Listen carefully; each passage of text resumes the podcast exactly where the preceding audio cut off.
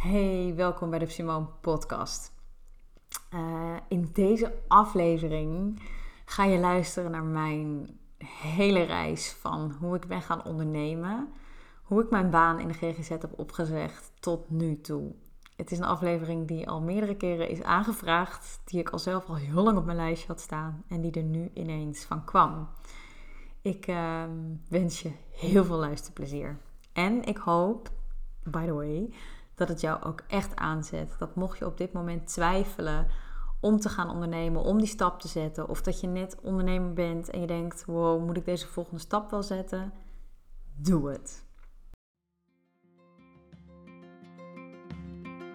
Hi, mijn naam is Simone Scherpenzeel. Ik ben holistisch psycholoog en gespecialiseerd in geboortetrauma. In 2018 heb ik mijn baan in de reguliere GGZ achter me gelaten en ben ik mijn bedrijf Psymo gestart. Die naam ontstond eigenlijk uit een, uit een woordgrap, psycholoog Simone. Maar al snel bleek de betekenis veel dieper.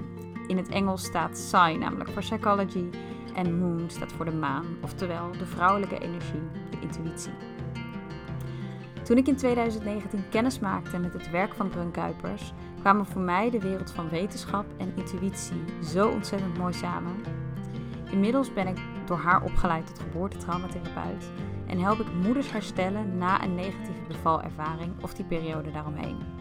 Ook coach ik aanstaande moeders om in diepe verbinding met zichzelf en hun kind te bevallen. Wat ik zie is dat veel moeders het lastig vinden om echt naar hun gevoel te luisteren. Laat staan er altijd naar te handelen.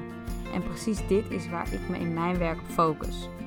Ik help vrouwen blokkades te voelen, op te heffen en de verbinding met hun gevoelsleven te herstellen. En dat doen ze zelf, want ik geloof erin dat alle wijsheid al in een vrouw ligt opgeslagen. Alleen soms kun je daar lastig bij. Met deze podcast, waarin ik moeders en experts interview, maar ook mijn eigen verhaal deel over geboorte, transformatie, spiritualiteit, um, hoop ik je te inspireren en een hele grote dosis vertrouwen te geven jouw weg te kiezen. Want echt, alleen jij weet wat goed is voor jou. Ik wens je heel veel luisterplezier.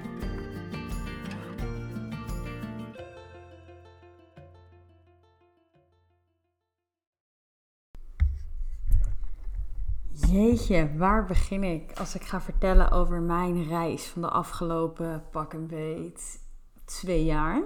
Want zo kort is het eigenlijk pas geleden, ruim twee jaar geleden. Deze podcast-aflevering heb ik, ik weet niet hoe lang geleden al bedacht dat het een heel fijne aflevering zou zijn voor als je zelf ook um, op het punt staat om, om, ondernemer te worden, om misschien wel uit, net als ik, de reguliere GGZ te stappen, of om als geboortecoach, vrouwencoach voor jezelf te beginnen. En op de een of andere manier bleef ik dit maar uitstellen omdat het ehm, voor mijn gevoel bijna een boek is die ik erover zou kunnen schrijven. Wat overigens ook enorm op mijn wishlist staat om ooit nog te doen. Niet alleen hierover, maar over heel veel andere dingen. Ehm, dat even terzijde. Maar ook omdat ik graag wil dat het wel een helder verhaal is of zo. Weet je, dat het niet een enorm van de hak op de tak aflevering is. Want ik heb daar nogal een handje van omdat het eigenlijk ook best wel veel is wat er is gebeurd. Maar net was ik, nou, ik was een beetje aan het werk en een beetje aan het rommelen. En ineens kreeg ik de behoefte om deze aflevering op te nemen. En dat kwam ook omdat ik ehm, een, uh, een heel tof idee heb voor volgend jaar, voor 2021. En daar was ik iets over op papier aan het zetten. En dat is uh, helemaal voor uh, geboortecoaches, voor vrouwen, moedercoaches. Um, nou ja, alles in die hoek. En dus vooral ook voor ondernemers. Mijn verhaal in deze journey begint bij mijn eerste zwangerschap. En dan eigenlijk met name uh, mijn eerste bevalling. Um, Kiki werd een maand te vroeg geboren.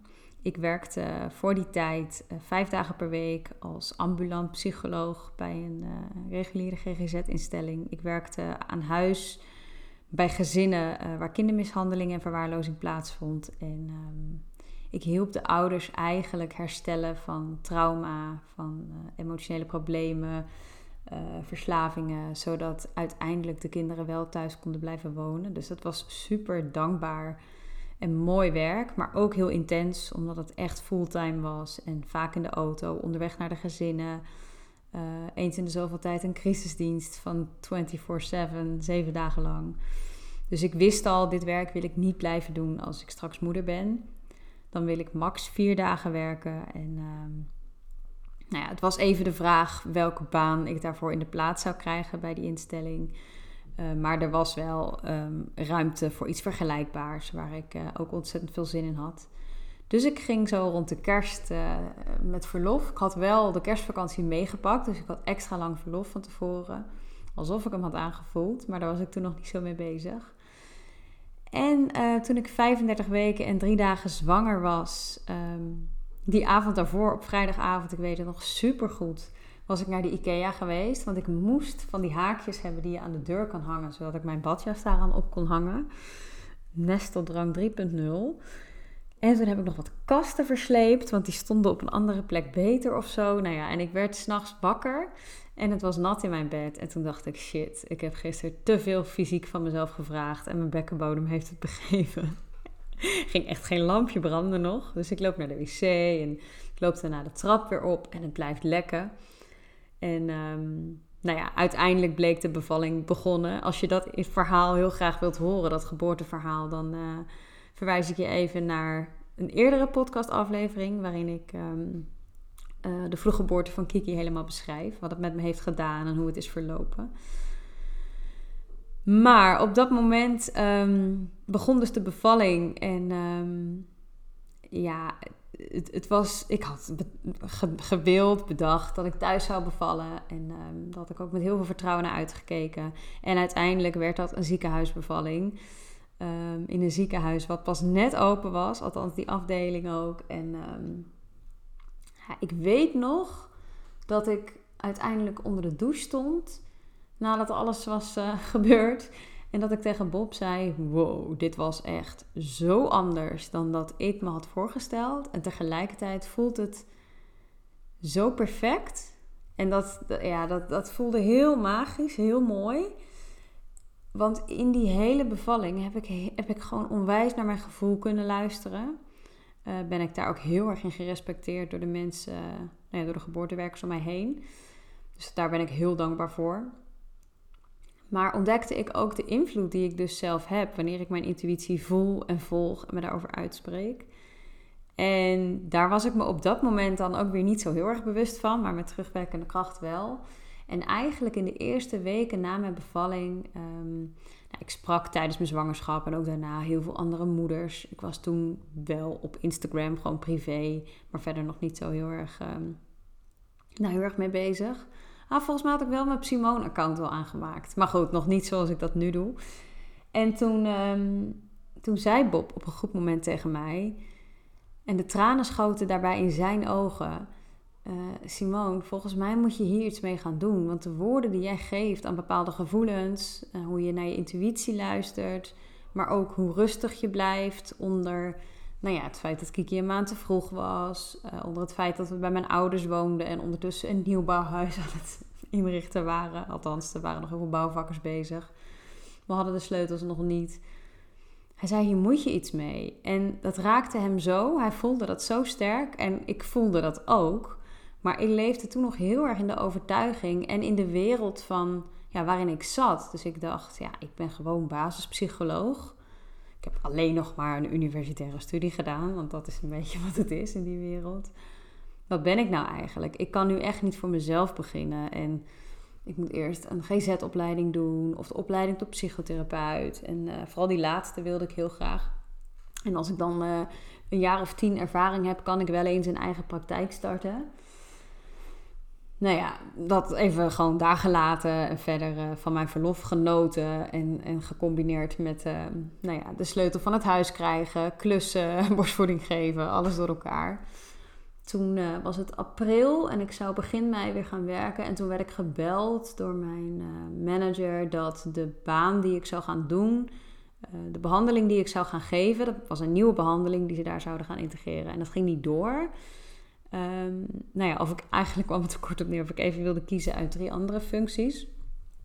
En um, nou ja, de functie van supervisor van een, uh, van een team, die sprak me het meeste aan. Dus ik heb daar heel even over nagedacht en gedacht: oké, weet je, dit gaan we gewoon doen.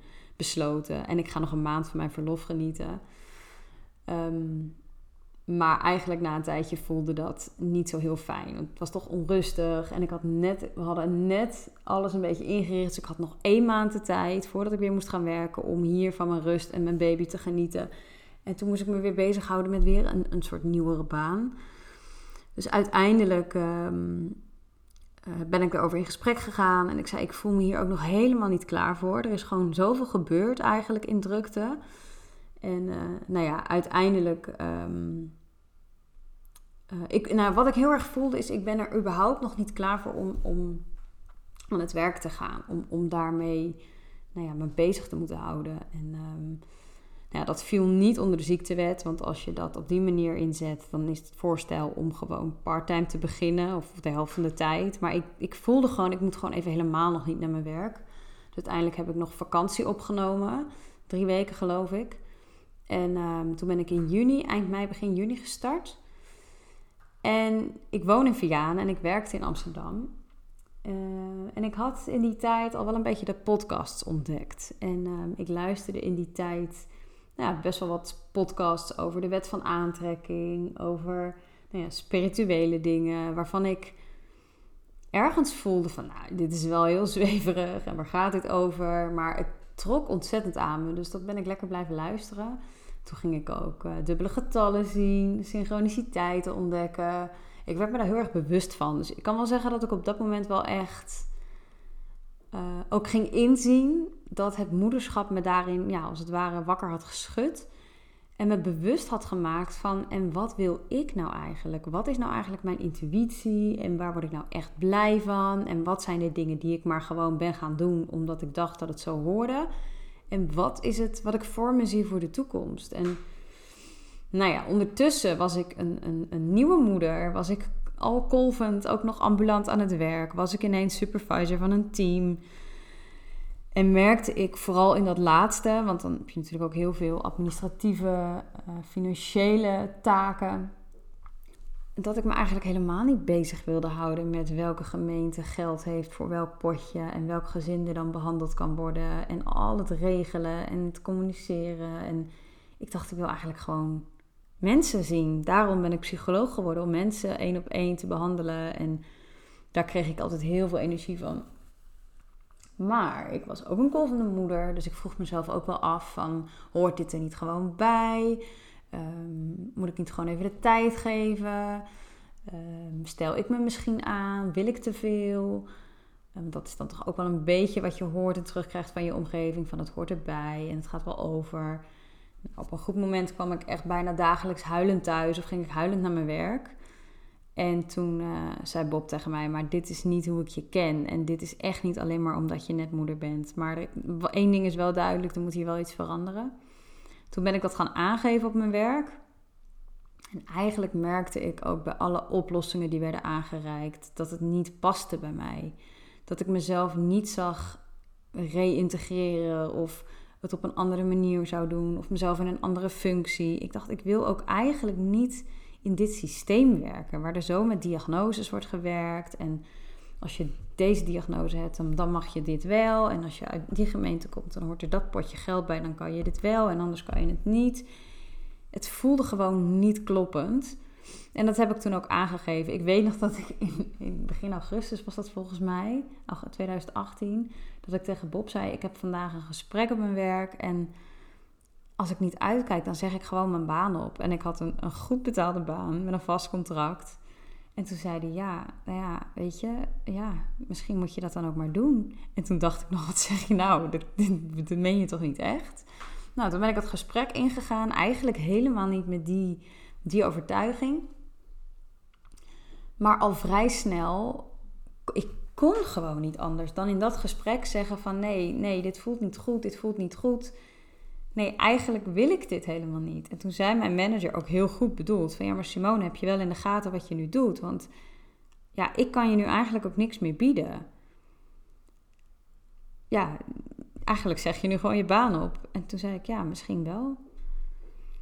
En toen heeft zij nog wel wat, wat uh, geprobeerd volgens mij om mij uh, nog even te laten nadenken. Ze zei, ja, je hebt net een, koophuis en een baby en uh, wat ga je dan doen? En nou, het was heel goed bedoeld, maar het voelde voor mij als, ja, there is no other way, weet je. Dit is gewoon wat ik moet doen. En toen um, hebben we dat besloten. En toen uh, ben ik, liep ik daarna naar buiten en toen dacht ik echt, oh my god. Bob werkte toen daar in de buurt uh, uh, als barista. Daar ben ik toen heen gegaan. En ik, ik vloog hem echt in de armen van, ik heb net mijn baan opgezet. En ik weet ook eigenlijk niet meer of ik moest lachen of huilen. Maar het was in ieder geval een gevoel van opluchting en ontlading. En echt huge excitement. Als in, wow, dit is tof wat er aankomt. Maar ook, wow, wat heb ik gedaan? Toen uh, heb ik ook direct contact gehad. Daar was ik al een beetje mee in contact via, via Instagram. Oh, dat is trouwens wel een, belangrijk detail om erbij te vertellen.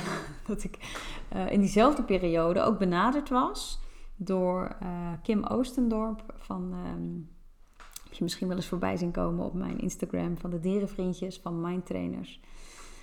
Zij um, had bij de BBB Health Boutique uh, de BBB Psychologie opgezet. En zij zocht eigenlijk voor de locatie Utrecht voor een paar uur per week een psycholoog die daar zelfstandig praktijk wilde draaien.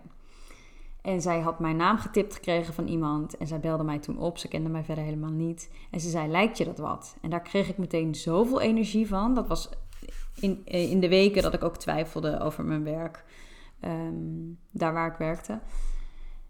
En um, toen dacht ik, ja, dat lijkt me heel tof. En als dat bevalt, dan ga ik dat gewoon een paar uur per week doen. En dan ga ik mijn uren op mijn huidige werk gewoon iets terugschroeven. Dat was mijn aanvankelijke oplossing. Dus ik was ook al uh, begin uh, augustus had ik al een afspraak staan bij de KVK. Gewoon voor die paar uur per week. En uh, dus toen ik mijn baan heb op, ja, in dat moment heb opgezegd, voelde ik ook wel van dan ga ik daar gewoon meer uren maken. En um, ik heb ook een PABO-diploma, dus als het moet kan ik ook gewoon in het onderwijs werken. Ik red me wel. En um, ondertussen had ik ook contact met Mirjam van Mindbee. En uh, eigenlijk gewoon, zij is coach en um, bood coach trajecten aan. Maar volgens mij waren we nog helemaal niet op dat punt toe. Maar ik had gewoon leuk contact met haar, goed contact. En uh, toen ik ook uit dat gesprek kwam, heb ik ook haar een bericht gestuurd van wat heb ik nu gedaan. En volgens mij gaf zij ook terug van, ja, maar dit is zo'n intuïtieve keuze. Dit kan niet anders dan dat het klopt. Dus dat was heel fijn om dat ook toen samen met haar te kunnen delen. Goed, toen heb ik nog geloof ik nog twee dagen gewerkt. En toen had ik drie weken vakantie. Dus de rest van augustus was ik vrij. En toen uh, was het een week later. En toen uh, kwam ik erachter dat ik zwanger was.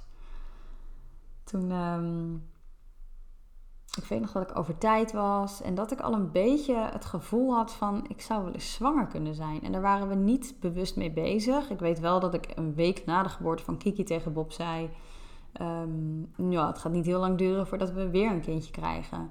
En dat wilden we ook allebei wel. Alleen we niet zoiets van laten we dat vijf maanden na haar geboorte gaan proberen. Maar ik had geen anticonceptie, dus ik, ik rekende altijd een beetje uit hoe en wat. En nou ja, deze zwangerschap is me nog steeds een beetje een raadsel. Want voor mijn gevoel. Um, ja, ik, weet niet zo goed hoe dat uh, tussen die berekeningen door heeft kunnen gaan. En was ik wel heel safe daarin. Maar anyway, ik bleek zwanger.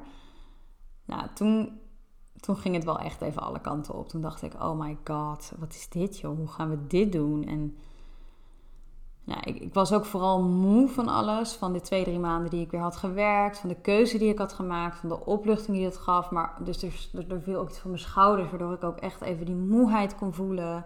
Uh, maar ook, hoe gaan we dit dan nu doen? En nou, daar de vakantie eigenlijk voor genomen. Maar ik zat wel heel erg in mijn hoofd. Toen hadden wij half september een bruiloft in Italië.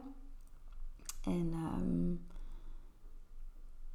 super mooie locatie, hele mooie omgeving daar, echt op zo'n berg midden in Italië. En nou ja, prachtig verzorgd allemaal. En um, Er was alleen één dingetje. Onze koffer kwam niet aan. Onze koffers waren niet uh, goed aangekomen. Dus wij waren daar zonder koffers. Dus dat gaf wel enige onrust, zeg maar. Op de dag van de bruiloft leken ze er nog steeds niet te zijn.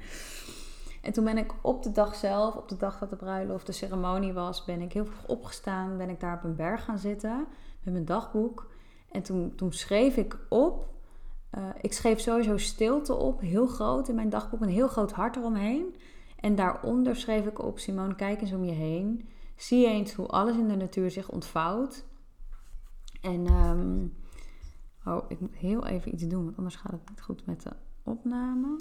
Nu wel, daar ben ik weer.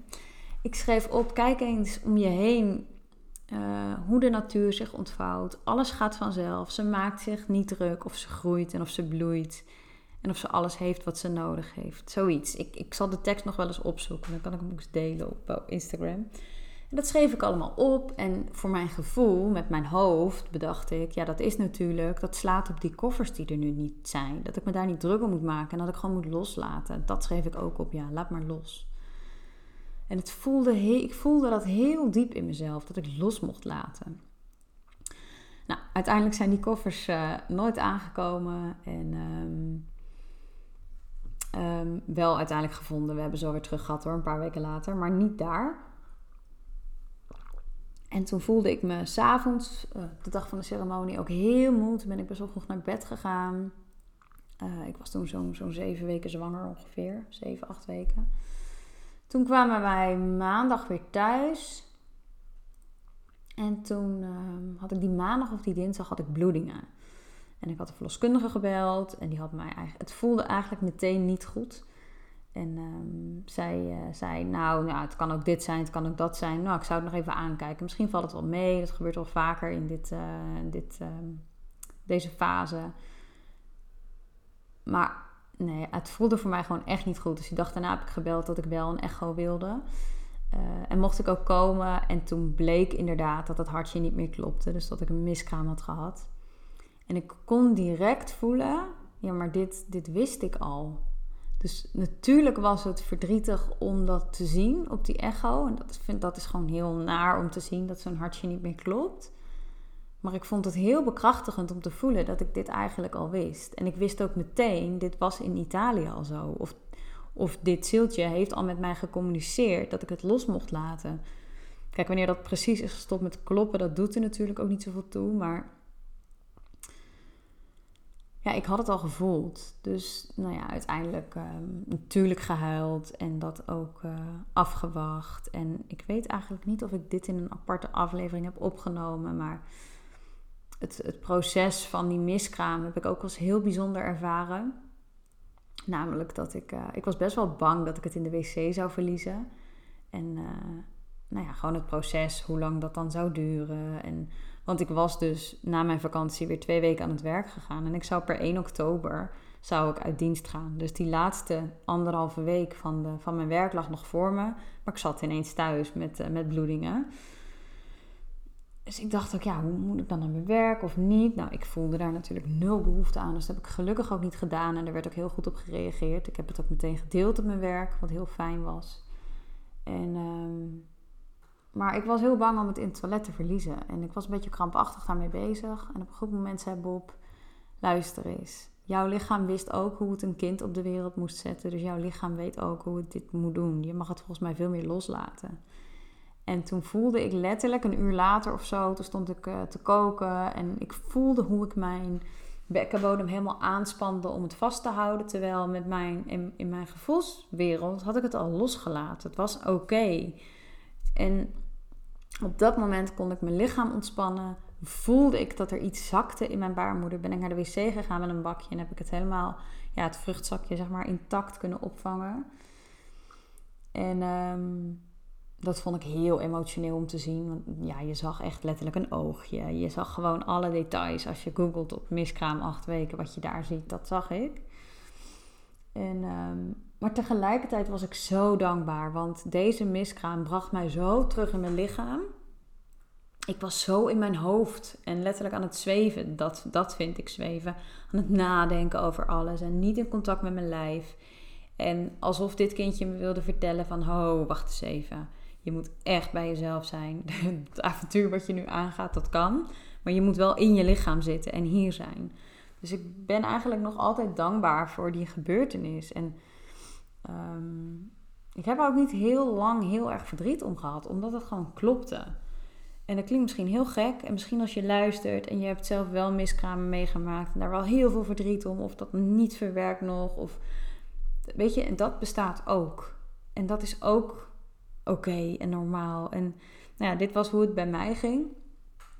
Ik, kon er heel veel betekenis aan geven.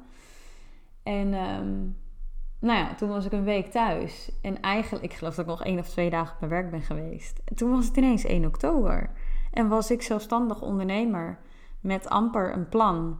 Ik had wel bedacht dat ik me op moeders wilde gaan richten. Eh, en, en vooral eigenlijk op de groep die, die geen postnatale depressie of een PTSS heeft. Maar ehm, ja, zich niet goed genoeg voelt om gewoon fijn te kunnen functioneren in het moederschap, te kunnen genieten. Gewoon die groep daar middenin, daar, daar was gewoon heel weinig voor. Maar ik was ook herstellende nog van moeder worden, een verbouwing, verhuizing, uh, een paar maanden keihard gewerkt, een miskraam. Dus het was een behoorlijke uitdaging.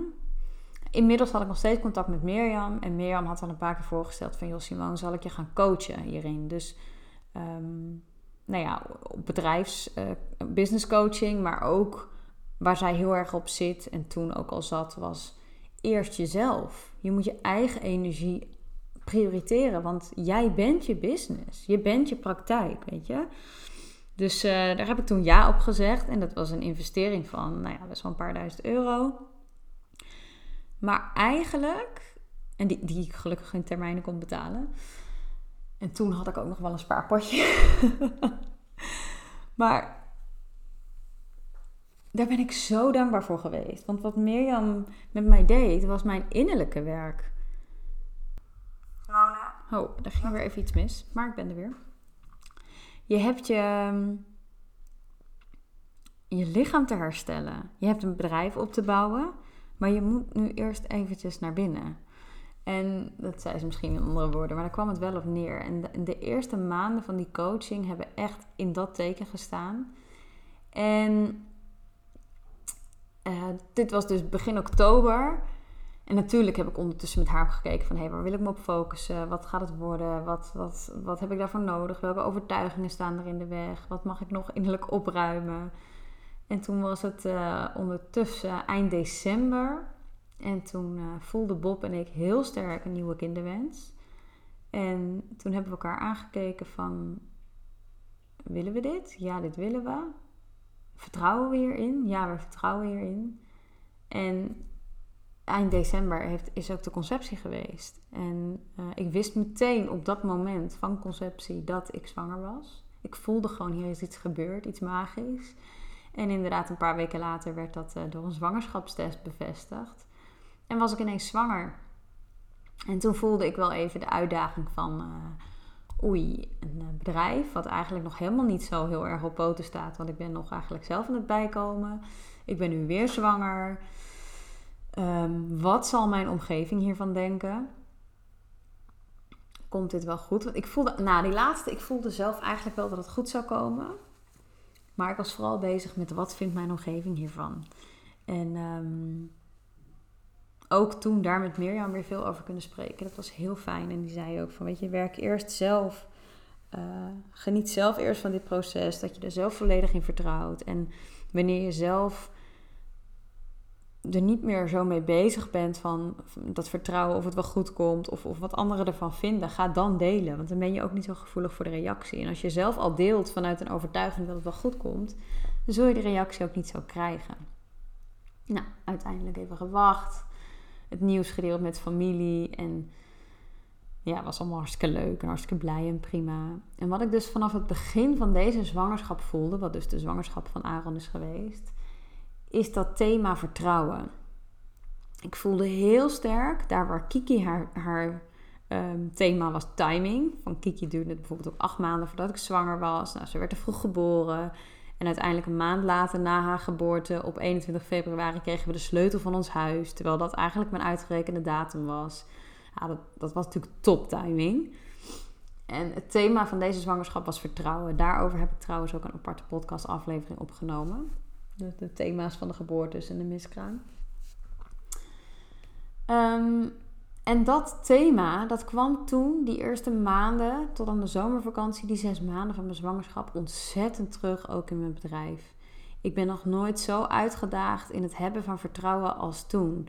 En dus niet zozeer in de zwangerschap, want ik voelde gewoon heel erg dat dit wel goed zat. Dus daarin had ik vertrouwen.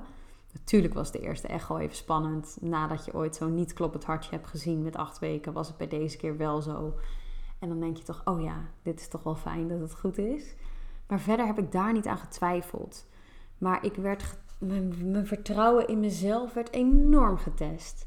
Ik, ik durfde niet zo goed uh, geld te vragen voor mijn dienstverlening. Want ik had uiteindelijk, en daar heb ik dan met Mirjam weer heel erg aan gewerkt. Um, lagen er gewoon zoveel diepe lagen in mij. Oude overtuigingen die mezelf vertelden dat ik het niet waard was. En als je me dat aan de buitenkant vroeg, had ik gezegd: ja hoor, dat ben ik wel waard. En was ik zelfverzekerd genoeg maar laagjes dieper niet. En, en dacht ik dat het altijd beter moest en dat het niet waardevol genoeg was. En nou ja, dat stuk. En dat heeft dus allemaal te maken met zelfvertrouwen. Vertrouwen hebben in wat je kunt, in wat je te bieden hebt. Um, vervolgens werd in juni werd Bob ontslagen. Dus toen werd er een enorm beroep gedaan op ons financiële vertrouwen. Um, wat ook wel even een flinke uitdaging was toen, een paar weken voor de geboorte, toen zei ik tegen Bob: Volgens mij worden we nu zo getraind, als het ware, in vertrouwen houden. Volgens mij komt er binnenkort iets waarin we dat echt nodig gaan hebben. Nou ja, toen ehm, werd Aaron geboren en uh, moest hij na zijn geboorte direct gereanimeerd worden. Um, en ja, ik, ik, ik voelde op het moment dat ik in bad zat en hij werd gereanimeerd, dat dat dat het moment was waarvoor we getraind waren. Want ik zei ook echt, ik stapte uit het bad. Ik, ik, zei, ik keek Bob recht in zijn ogen aan en ik zei: Dit is het moment dat we vertrouwen moeten hebben. En ik kan hem nu weer voelen. Zo, die komt ook wel even binnen. Ik pakte toen Aaron, ik legde een hand op zijn hart en een hand onder zijn voeten. En ik, ik heb ook gezegd: Ik zeg, blijf bij ons, lieve schat. Je, nu mag je bij ons blijven en het komt goed. En op dat moment kwam die ook bij. Toen hoestte die en nou ja, ook die, die, ehm, die bevalling heb ik opgenomen in een aflevering, dus die kun je ook terugluisteren. Maar het was zo.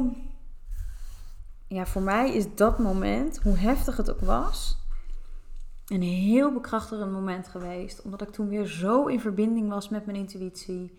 Zo in verbinding met, nou ja, met Aaron, met Bob, met dat vertrouwen. Dat ik wist, dit komt gewoon goed. En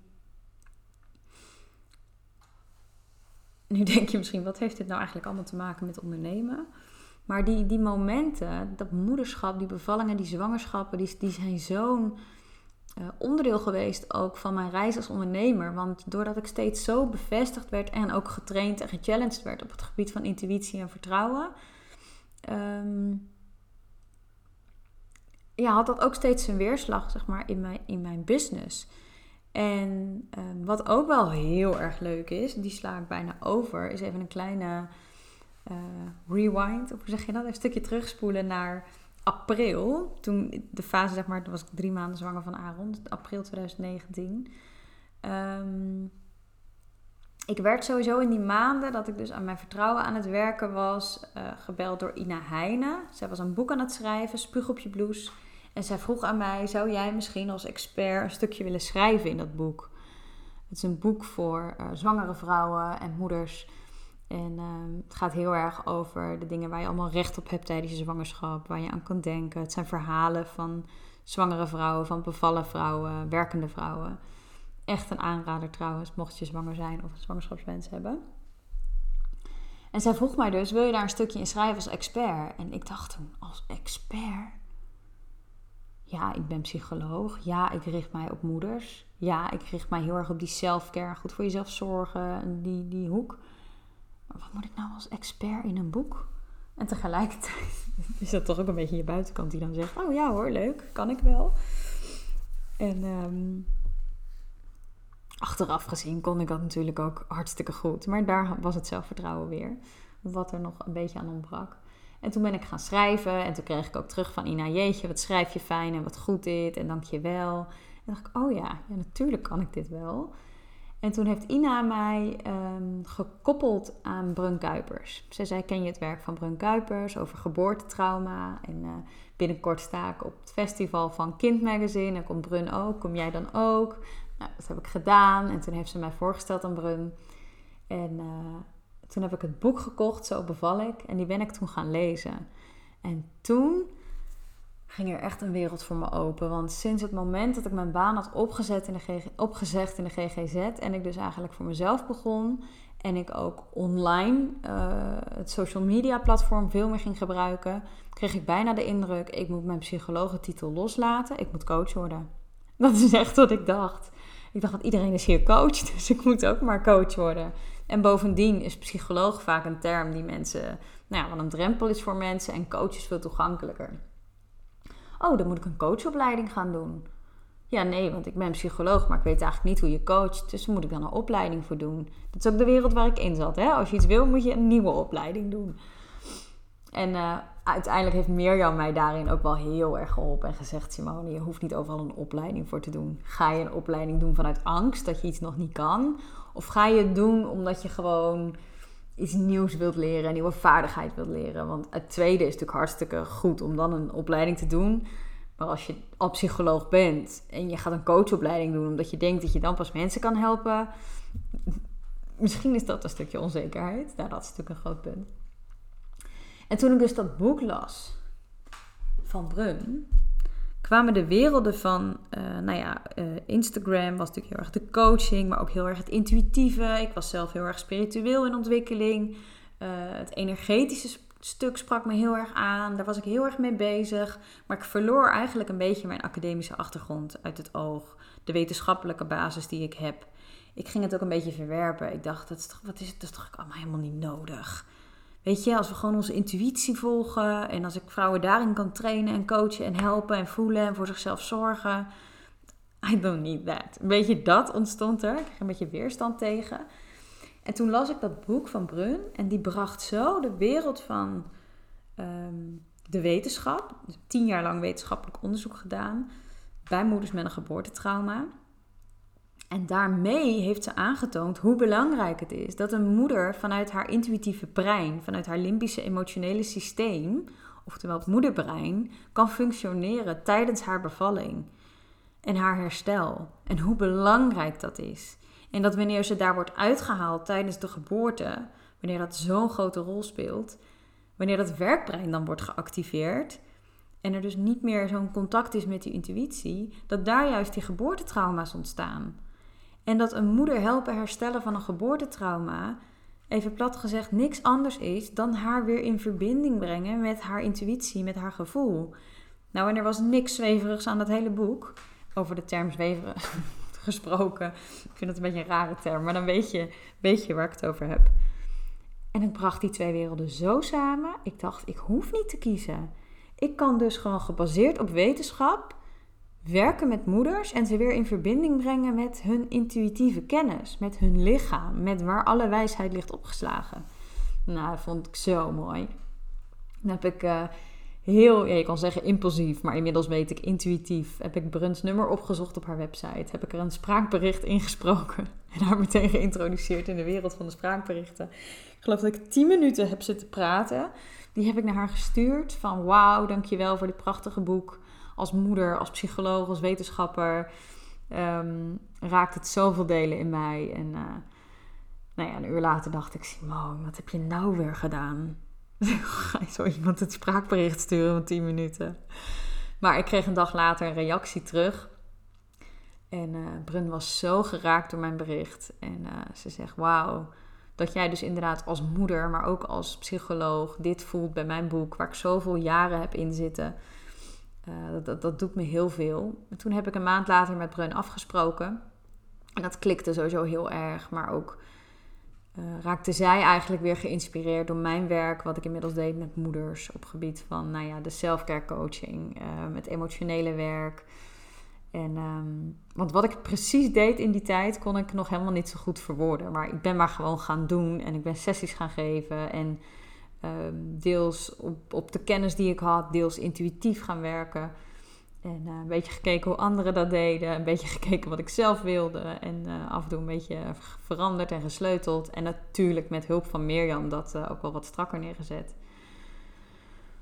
Um, nou ja, ik was zo enthousiast dat ik dacht: Brun, ik wil bij jou de opleiding doen tot geboortetraumaconsulent. Dat gaf me wel wat meer uh, specialisme en wat meer specifiek uh, wat ik dan uh, zou kunnen aanbieden ook in mijn praktijk. En um, Brun zei: Ga jij nou eerst maar eens even bevallen? Dat komt allemaal wel. Heerlijk, dat, ze, dat zegt ze nog steeds. Het komt allemaal wel goed, Simone, rustig aan. Ja, dat ben ik toen dus gaan doen. En toen die periode dat Bob zijn baan verloor, ik mijn verlof in, de, intense geboorte van Aaron.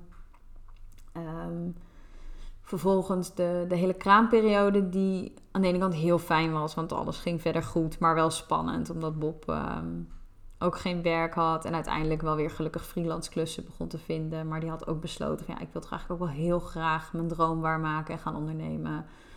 Vervolgens uh, had hij per januari heel veel freelance werk, maar was hij ook soep op de markt aan het zetten. Dus die was heel veel aan het werk. En um, ja, ging ik ook weer mijn praktijk weer met Simone aan de slag. Ik had het online wel door laten lopen, want ik heb heel veel gepost in die tijd. Gek genoeg, de maanden dat ik niet aan het werk was tussen aanhalingstekens, maar gewoon deelde over mijn proces, kreeg ik er op Instagram ineens heel veel volgers bij. Mooi hoe dat werkt, als je gewoon authentiek uh, deelt. En toen ging ik weer aan de slag in januari. Met ineens twee kinderen. Nou ja, drie natuurlijk, want Sam woont hier ook de halve week.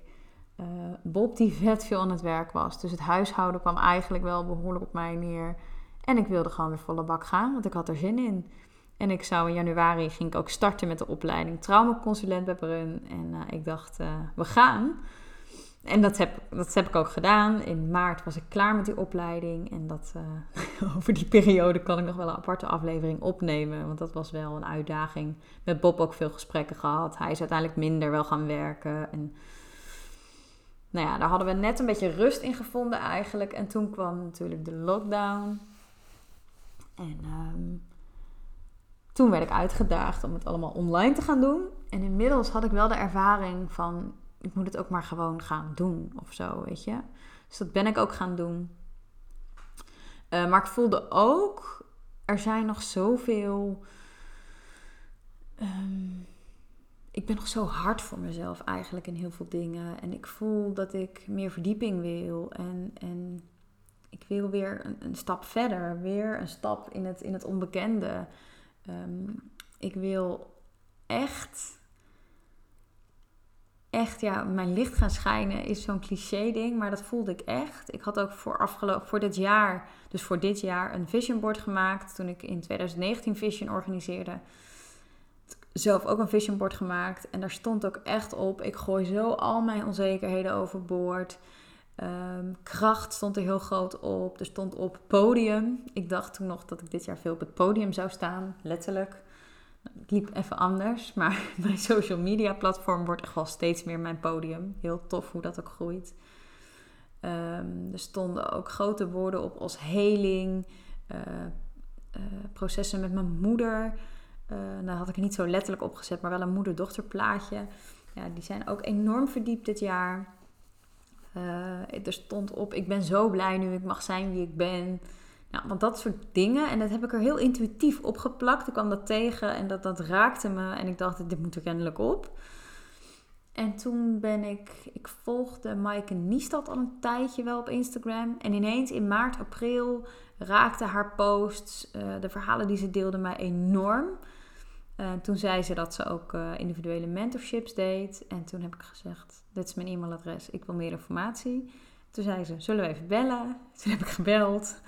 En dat klikte zo, dat voelde zo goed. En toen heb ik ook echt gezegd, ik wil gewoon het, het uh, volgens mij heet hij Let's Aim for the Stars pakket. Het grootste pakket wat ze aanbood. En um, weer opnieuw, zelfs nog spannender dan bij Mirjam, echt een investering. En zeker nu met corona. En ik dacht echt, oh my god, hoe ga ik dit doen? Maar ik voelde dat ik het moest doen. Ik voelde gewoon dat ik het moest doen. En dat... Um, Heb ik toen ook gedaan. En ik zou eerst in termijnen betalen, maar uiteindelijk eh, kreeg ik een bedrag terug vanwege een van de coronaregeling. En toen was dat exact het bedrag wat ik haar betaalde voor de coaching. En die kon ik gewoon in één keer betalen. Ja, toen voelde ik weer zo de magie van, van wanneer je ergens, wanneer iets goed voelt en je doet dat, dan, dan, dan komt het ook goed. Dus dat heb ik gedaan en ehm, dat loopt nog steeds. Ik heb nog steeds sessies met Maaike. Ik heb ook, eh, dat, gaat, dat zijn persoonlijke sessies over mijn eigen inner work. Dat zijn sessies. Heel erg in het begin ging het vooral heel erg over inner kind delen in mij, ehm, die wel wat heling konden gebruiken. Uh, ik heb een sessie samen met Bob gedaan, maar ik heb een healing gegeven. En momenteel zitten we veel meer op de business sessies. Um, mocht je Maaike nog niet volgen, is ook echt een aanrader. Maaike Niestad. Ze heeft ook hele toffe retreats op Ibiza. En um, nou ja, en dit jaar merk ik ook echt, mijn intentie was echt veel meer gaan staan. Nou, en als je me volgt op Instagram, dan zie je dat ook wel. Dat ik dat echt ben gaan doen. Ik durf veel meer te staan. En begrijp me niet verkeerd, er zijn nog heel veel dingen die ik heel spannend vind. En waarin ik nog veel meer mag gaan staan. En, um, maar toch leef ik meer en meer, ook in mijn business, op mijn intuïtie. En um, zo is ook de tribe ontstaan afgelopen mei voelde ik heel, heel sterk. Ik wil een soort tribe. Uh, ik wil een groep vrouwen. Het woord tribe had ik toen nog niet eens. Een groep vrouwen bij elkaar brengen. Ik coachte zoveel individuele vrouwen. Uh, de een kwamen gewoon voor losse coachtrajecten. De ander kwamen bij mij via de, de self-care sessions die ik toen nog gaf offline. Een aantal vrouwen die een, uh, een geboortetrauma herstelgesprek hadden gehad bij mij. Maar uiteindelijk waren de thema's waarmee ik, waarop ik ze coachte of die terugkwamen in de gesprekken waren nagenoeg hetzelfde. En ik dacht, als ik die vrouwen toch eens samen kan brengen, dat ze hun struggles, maar ook hun overwinningen in inzichten met elkaar kunnen delen. Dat, dat maakt het volgens mij zoveel sterker. En ehm, online zie je natuurlijk, die heeft een groepstraject, en daar een half jaar traject, en daar een jaarprogramma. En ik dacht, ga ik dat dan ook doen? Het klinkt zo afgezaagd, een half jaar traject of zo, weet je. Nou, nou. En ineens kwam dat woord tribe. Um, in me, in me omhoog. En toen dacht ik, ja, een tribe. Dat lijkt me vet. Ehm, en toen ben ik dat maar gewoon de wereld in gaan gooien. En kwamen er... Nou, er waren meer vrouwen, maar uiteindelijk bleven er vijf over... die ook echt zeiden van, ja, dit, dit wil ik. En die zeiden ook allemaal, weet je, er verandert zoveel in mij, in mijn persoonlijke leven dat ik soms zelfs de connectie een beetje verlies met de mensen om me heen. Omdat ze me niet helemaal snappen, omdat er zoveel nieuwe dingen gebeuren in mij. Nou, dat herken ik natuurlijk heel erg, daar ben ik ook doorheen gegaan toen ik, uh, um, nou ja, nadat ik moeder was geworden, die spirituele wereld die voor me open ging. Uh, mijn baan opzeggen, gaan ondernemen, is natuurlijk een hele andere wereld. Um, dit waren niet per se allemaal ondernemers, deze vrouwen. Dit waren echt de moeders of moeders to be die ik aansprak. En ze zeiden, ja, ik heb echt behoefte om op een dieper niveau te connecten met andere vrouwen. Op een dieper niveau bezig te zijn met het vrouw zijn, het durven. Um, nou ja, alles wat daarmee samenhangt. Even kort door de bocht. En toen ben ik dat gaan opstarten. En in de tribe, dat duurt een half jaar. En uh, deze duurt ietsje langer. Een klein beetje uitgesteld vanwege wat uh, corona vertragingen hier en daar. Um, maar komen we één keer per maand live samen met elkaar. En één keer per maand heb ik een één op één sessie met alle dames. Waardoor je er gewoon je eigen proces er nog wat meer verdieping in geeft.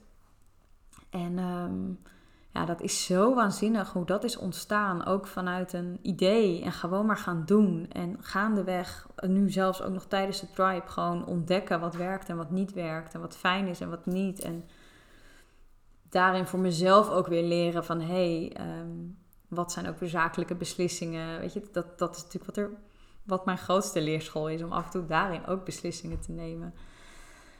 Maar het, het, voelt heel tof, om dat allemaal zo terugblikkend op hoe ik ben begonnen, hoe het dan nu allemaal staat. En um, ik ben trouwens nu met Brun ook een opleiding begonnen te geven. Want door, uh, ik ga nu wel een beetje van de hak op tak. Was eigenlijk helemaal niet mijn intentie, maar ik denk dat jullie het nog wel volgen. Want doordat ik in, uh, in 2019 met Brun in contact kwam, uh, zij had toen heel erg, was zij bezig geweest. Haar boek Zo bevallen gaat ook heel erg over de behandeling van geboortetrauma. En het werk wat ik doe met vrouwen op zelfcare inzet, op de verbinding met jezelf, op emotionele, op je emotionele leven, zeg maar, aandacht geven. Ehm, zij zegt dat is preventie van trauma, Simone. Als aanstaande moeders dat werk doen, dus naar binnen gaan, hun eigen levensverhaal ontdekken, waar ze vandaan komen, wat hun overtuigingen zijn, zich bewust worden van hun lichaam, daarmee kunnen connecten en dus ook kunnen connecten met hun baby, dan voel je wat je nodig hebt en vanuit daar naar je bevalling gaan, weten wat je wilt, niet met je hoofd, maar met met je lijf en je durven uitspreken. Dat is hoe geboortetrauma's voorkomen kunnen worden. En toen zijn we echt gaan samenwerken. En uh, heeft, hebben we, heeft Brun een, tweede boek geschreven. Dat gebeurde een beetje eh, terwijl ik uh, hoogzwanger was en bevallen was. Heb ik nog wel meegewerkt in de zin als in feedback opgegeven. ja, het is een prachtig boek ook geworden. Ik beval in vertrouwen. En sinds ik eigenlijk weer aan het ehm, werk ben, zijn we de opleiding gaan ontwikkelen. De opleiding tot geboortetrauma preventiecoach. Omdat we gewoon willen dat... Ehm, dat er veel meer coaches komen die met dat boek moeders gaan helpen om geboortetrauma te voorkomen. Of positief gezegd, moeders te helpen die helemaal vanuit hun intuïtie, vanuit hun lichaam, vanuit hun kracht kunnen bevallen. Zodat ze zich na de bevalling ook krachtig en gezond voelen. Dus dat uh, zijn we ook gaan geven. En de eerste ronde zijn we afgelopen september gestart. Dus in juni ben ik met de Tribe gestart. In september zijn we de opleiding gaan geven. Zowel offline als online. En dat loopt nu allemaal. Ondertussen ben ik zelf natuurlijk trauma-herstelgesprekken, trajecten gaan aanbieden. Want daarin was ik opgeleid. In september ben ik met de verdiepende opleiding tot geboortetraumatherapeut gestart. Zodat ik ook complexere trauma's daarmee kan behandelen. En ehm, ja, zijn we nu bij het nu aangekomen. En voel ik gewoon heel sterk dat, ehm, dat er voor mij ook een nieuw hoofdstuk aanbreekt. En die is al een beetje aangebroken met, met de opleiding die ik geef, waarin ik me veel meer focus op de coach. En um, ik, ik voel dat ik de, uh, de geboortetrauma hersteltrajecten en ook de preventietrajecten die ik zelf geef, wil blijven geven. Maar dat ik me verder meer wil gaan richten op, uh, op de geboortewerkers. Dus op de coaches, de moedercoaches. Uh, vrouwencoaches, give it a name. In ieder geval die vrouwen die holistisch werken en zo aan de gezondheid van moeders werken. En ehm, heb ik dus nu heel sterk het gevoel, en ik weet dus niet of ik deze podcast ga posten voor of na de Simone Vision, die op 28 november is of was. En um, dat ik de tribe wil gaan voortzetten. Dus een nieuwe tribe wil gaan starten. Maar dan voor die groep. Dus dat je, uh, dat je aan het ondernemen bent. Of het misschien wilt gaan doen. En denkt, oh my god, ik heb zo'n behoefte aan, aan like-minded mensen om me heen. Die niet alleen bezig zijn met het praktische hoe van een bedrijf opzetten. Of met de strategische marketingkant ervan. Want ik ben geen business coach ik heb wel inmiddels wat ervaring opgedaan waarin ik ook heel veel vrouwen heb geholpen door gewoon mijn ervaring te delen en op dat stuk in te zetten. Maar ik ben geen typische business coach zoals je dat misschien online veel ziet. Wat ik juist wil is ehm, die verdieping bieden op dat emotionele, spirituele stuk. Dus dat je behoefte hebt aan, aan, aan collega-ondernemers met een business, met een praktijk, die vanuit een hele zuivere intentie andere vrouwen, andere moeders willen helpen. Maar dat je ook voelt, hé, hey, maar ik voel wel dat ik aan deze praktijk of aan dit bedrijf werk. Wanneer ik aan mezelf werk. En aan jezelf werken is natuurlijk ook een hele brede term. Maar waarin je zelf groeit. Wanneer je zelf steeds naar binnen durft te gaan.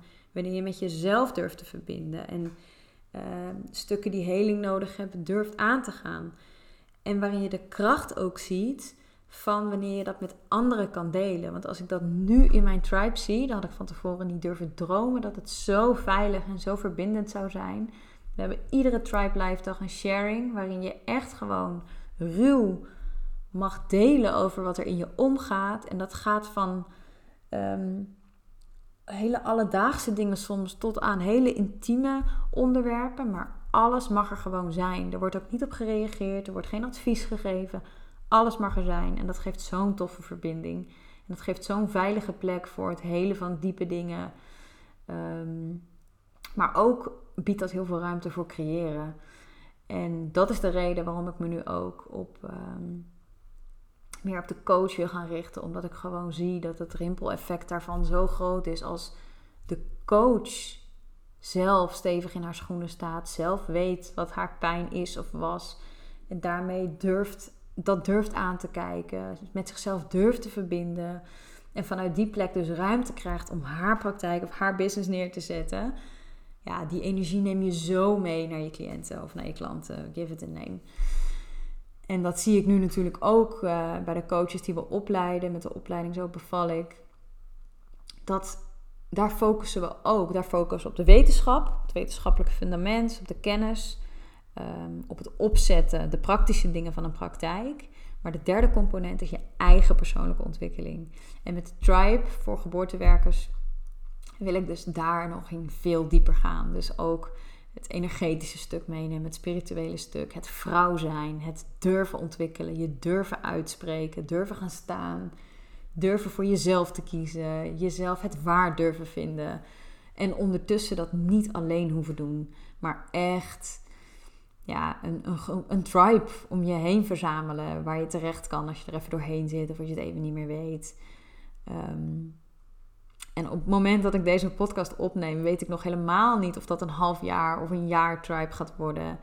Uh, wat het allemaal precies gaat kosten en wat we precies gaan doen. Eén ding weet ik al wel zeker, die heb ik alweer gereserveerd, is dat we het ijsbad weer ingaan bij Veri. Omdat dat zo bijdraagt aan het transformatiewerk. En, ehm, en dat er in ieder geval de live dagen zullen blijven. En de individuele coaching, de frequentie en ehm, de, de aantallen weet ik nog niet precies. Maar ehm, ja, dat het weer een heel mooi traject gaat worden. Met heel veel ruimte voor, voor transformatiewerk, voor diepe connectie vooral met jezelf en met de ander. Dat weet ik wel. Dus ehm, ja, mocht je dit horen en denken, wauw, dit, dit, uh, dit is voor mij bedoeld. Dankjewel, want dit is wat ik, wat ik wil. En misschien had je er nog nooit over nagedacht dat je dit misschien wel zou willen. Laat het me even weten. Dan kan ik je in ieder geval alvast op de lijst zetten. En dan heb ik heel graag even contact met je om gewoon even te horen, ja, wederzijds te voelen of het, of het klopt. De vorige tribe is ook zo heel organisch ontstaan en daar hou ik gewoon heel erg van. Dus um, let me know. En zo eindigt eigenlijk ook mijn, mijn ondernemersverhaal. Ik, er zijn vast dingen die ik ben vergeten te vertellen. En misschien zijn er ook wel vragen die je hebt. Dat je denkt, ja, maar hoe was dit dan? Of hoe heb je dat aangepakt? Of hoe heb je dat ervaren? Laat het me vooral weten, want ik neem er met liefde nog eentje op. Maar samenvattend komt het er wel om neer dat ik. Um, dat het moederschap een grote rol heeft gespeeld in mijn transformatie. Dat ik echt mijn intuïtie heb gevolgd. Ook toen de keuzes heel spannend waren. Dus het opzeggen van mijn baan of financiële investeringen. En dat al die investeringen zich ook terugbetaalden in dat ik nog beter kon voelen en dus nog beter die keuzes kon maken. En dat betekent niet dat ik nu nooit meer twijfel, want ook de afgelopen weken en zelfs nu nog wel een beetje zit ik ook weer in zo'n modus van wat wil ik nou, wat gaan we nou doen en stel ik dingen uit. En, maar dat, dat blijft erbij. Dat blijft erbij horen, echt. Maar ik herken het wel eerder. En ik herken wel eerder wat ik dan nodig heb en, en wat ik moet doen. En soms zit ik weer even voor mijn gevoel terug bij af. Maar heb ik weer een dieper stukje te pakken. Wat ik dan weer de ruimte mag geven om daar weer in te groeien. En uh, wat mij heel erg helpt daarbij is niet alleen die coaching. Maar ook gewoon de mensen die ik ontmoet op dit pad. Die door hetzelfde heen gaan. Dat is wel echt heel waardevol voor mij geworden. Dus... Um, als jouw gevoel nu zegt: hey, dit of dit moet je doen, maar je vindt het spannend, ik kan je, ja, ik zou je echt willen uitnodigen om het gewoon te doen. En misschien wel hoe spannender of hoe minder je kan overzien waar het toe leidt, hoe slimmer het misschien wel is om te doen. Want het leidt je echt naar hele mooie dingen. Ik zou echt nooit meer terug willen naar een baan in loondienst in de GGZ. Ik vind de vrijheid Eh, maar ook de diversiteit van hoe het nu is, vind ik fantastisch. En er zitten aan ondernemen echt wel uh, haakjes en oogjes die je van tevoren niet weet. Maar die moet je van tevoren ook niet weten, want dan ga je het misschien wel niet doen. Want het is, die vrijheid moet je ook ehm, weer creëren voor jezelf. Maar ik vind het wel heel tof als ik dit zo deel. Dan denk ik ook, wauw, waar ben ik begonnen? En, en waar sta ik nu al in twee jaar tijd? Dat is echt bizar hoe ik ben gegroeid in dingen. Misschien heb je het laatst ook wel gezien. Ik heb het op mijn Instagram ook gezet, My Journey. En daar zie je de foto's van mijn diploma-uitreiking van psychologie. En ik heb van verschillende mensen teruggekregen: Simone, ik herkende je bijna niet. en dat is ook zo. Er is heel veel veranderd. Ik ben niet alleen moeder geworden, maar ik ben ook veel meer echt naar mezelf gegaan. En dat gun ik jou ook. Dus voel maar even wat dit met je doet. Welk vuurtje er nu aanstaat. Misschien moet je er even iets over opschrijven. Want het kan zomaar zijn dat morgen je ego en je hoofd het weer overneemt. Maar uh, ik vind het heel tof dat ik mijn verhaal uh, zo heb kunnen doen. En uh, ben heel benieuwd naar je reactie. Als je het een inspirerende aflevering vindt, vraag ik altijd: deel hem even op Instagram, tag me. Of laat even een review achter op iTunes, zodat die, de podcast beter gevonden kan worden. En uh, ik spreek je heel graag weer in een volgende aflevering.